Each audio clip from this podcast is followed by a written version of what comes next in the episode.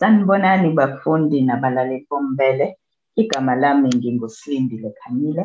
Siyanamukela futhi engosini yethu lapho sidingida khona umthetho kungolwesibili umhla ka-23 Agasti. Bangaphezu kuka-450 abantu ababulawa yizikhukhula ezahlasela KwaZulu Natal ngo-April nangoMeyi kulo nyaka. Kukhona inqwaba engakatholakali. Kungabe njengoba sekuphele izinyanga ezine kukhona abangatholakele? Uthini umthetho kulesi simo futhi nini lapho bethathwa khona njengabantu abangasekho emhlabeni?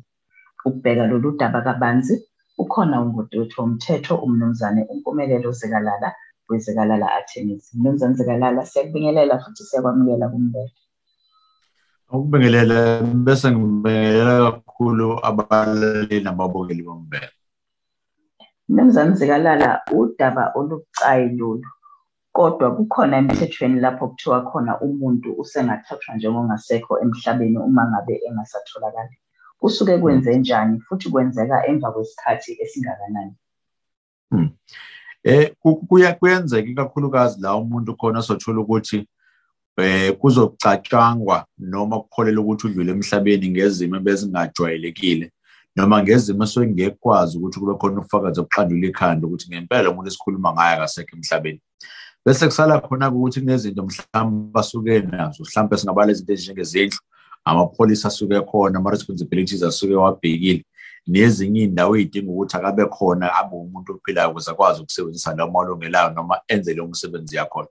Umthetho ubusuthi-ke uyakwazi ukufaka incwadi e-high court noma enkantolo ephezulu la osuke suthi khona eyi inkosi yenkantolo ngumuntu oyi-interested party la noma umuntu othintekayo la nginesifiso sokuthi lo muntu ngenxa lobufakazi engizobuletha kunina simthathe njengomuntu ongasekho emhlabeni. Sengizamile ngafuna buka umsebenzi noma indlela kade ngifuna ngayo. Noma private investigators engiwafakile angitholi lutho. Sengifake ikhangisi emaphepheni angitholi lutho. Even nasey'ndabeni sengiphuma khona noma emsakazweni angizange ngize ngithole lutho. Nasendaweni angizange ngize ngithole lutho ngesikhathi ngicela ukuthi ngicela abantu ukuthi bangisize. Kube khona zoba nomkhonda-ke kulesi uma ngithole ithambo lakhe. Lana-ke this case noma um masizobheka njengoba kunama-floods uzothola ukuthi ibe ney'thombe nama-report avelayo abantwini kade bezama ukuthi benze utakulo nabo azofakwa la emaphepheni. La zobe sekuthiwa khona cha eyi siyahlawumbisela nje. Kodwa siyabona ukuthi angeke kube ukuthi umuntu ojwayelekile noma ngokujwayelekile umuntu uzokwazi ukuthi asurvive noma aphile emva kwesigameko esifana njengalesi sesicela ukuthi kuthathwe izinto lo muntu njengomuntu ongasekho. Khona kuzokwazi ukuthi kuphume incwadi ezogunyaza lokho. Once ayithola incwadi egunyaza lokho sesiyakwazi even ukuya ka-home affairs ukuze sithole i-death certificate ukuze kuthola ukuthi kwenzakalani? Iyobe isibhalwa njalo ukuthi i-death noma i-cause of death unnatural eh bese kuba naleyo case number. Khona kuzoba nobufakazi obukhombisayo ukuthi size sithi lo muntu akekho nje emhlabeni kwenzakalani. Eh uma ngabe sesiphumile isitifiketi sokuthi sekuthathwa ngokuthi umuntu akasekho kuyaye kube sekuba iziphi iy'nyathelo ey'landela lapho kusethatha njengokuthi eh njengomuntu uma kuthiwa akasekho nje emhlabeni usuyakwazi ukuthola i-death certificate. Usuyakwazi ukuhlukanisa izinto zakhe mhlawumbe ngolento esingayibiza ukuthi estate yakhe.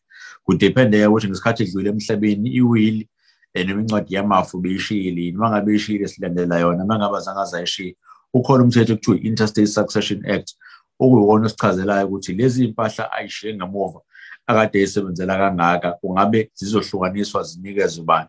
So kusuke kuthatha njengokuthi once iyaphuma leyo ncwadi eh asilandele noma senze njengokuthi lo muntu usedlulile emhlabeni bese kuhlukaniswa amafa ngaleyo ndlela. Kuyenzeka ngesinye isikhathi uthole ukuthi inkantolo izokhipha i-order ethanda ukuthi ihluke. La izothi khona sithatha abantu bama-floods njalo noma badlule ngenxa yama-floods la bezothi khona ayi lesikhathi esikhuluma ngaso sincane kakhulu. Mhlawumbe kungenzeka ukuthi emva konyaka lo muntu uzobe siyabuya noma mhlawumbe kukhonjiswa ukuthi khona la asinda khona uthe mesinda wangakwazi ukuthi ahlangane nomndeni wakhe ngokushesha. Kodwa-ke sithole indlela esizokwazi ukupreserva ngayo iy'mpahla zakhe kancane. Mhlawumbe bazobe sebethi nina abantu nama-beneficiaries noma wena applicant oze la enkantolo. Sicela usinikeze security. Siyazi ukuthi iy'mpahla zakhe ziworth mhlawumbe two million rands kodwa sicela usinikeze security mhlawumbe ka-hundred thousand noma five hundred thousand or even a million. La sizothatha khona imali siyibeke eceleni. Ma kwenzeke buya kuyobe siyakwazi ukuthi lawo ma-asset noma lezi zinto zakhe ayithulile ayithole isahleli kodwa uma kuwukuthi lowo muntu uyabuya and still siyabona usasurvive uyobe sesebenzisa leyo mali ukuthi aphile. But uma uzokwaphela isikhathi esingaka esingabekwa enkantolo then sesingathathi nokuthi ngeke asabuya athi all sekuphelile ngayo kodwa fanele ugadeke ngoba akuwona wonke ama-case noma mhlampe iy'celo ezothi uma ziye enkantolo zifike zikhishwe kanjalo inkantolo ibe specific yenza into ekuthiwa i-case by case analysis ne-basis nobufakazi obusuke phambi kwayo la ezothi khona. Ngenxa yesimo sempilo kade siphilwa yilo muntu ngenxa yempahla asuke enazo nayo indlela esizoyenza ukuthi sikwazi ukuthi siyivikele. Kodwa into abazoyibheka kakhulu inkantolo ubufakazi obukhombisa ukuthi lo muntu akasekho ngempela emhlabeni noma izinto eziyinkomba zokuthi for sure lo muntu ayi usedlulile emhlabeni then asibone ukuthi impahla sakhe sidlulisa kanjani. But akuvele kwenzeke nje kalula. Izoqiniseka inkantolo ukuthi even nendlela oreporta ngayo izothi ukuba extra khombisa information eningi ngoba ufuna ukwenzela sure ukuthi uma kwenzeka kuthiwa uyabuya kuclear sithole ukuthi iy'mpahla zakhe zikuphi kuclear ukuthi ama-assets akade nayo noma ifa lakhe lihlukaniswe kanjani. Nenye into ebalulekile efanele siyibuze yona ukuthi size sifuna ukumthatha njengomuntu ongasekho emhlabeni ngokushesha nje yindawo sifuna ukwenza lokho? Ikuphi la kade silimala khona? Angeke sakwazi ukulinda isikhashana esincane mhlawumbe kudlula isikhathi. Kuyimama bese siyabuya sosho sithi hayi othandiweyo wethu asimthathe njengongasekho emhlabeni Mnumzane Zikalala njenganjalo siyabonga kakhulu ngesikhathi sakho. Kubonga mina kakhulu nibe nosuku oluhle. Lowo bengumnumzane uMpumelelo Zikalala wezikalala Attorneys. Siyabonga.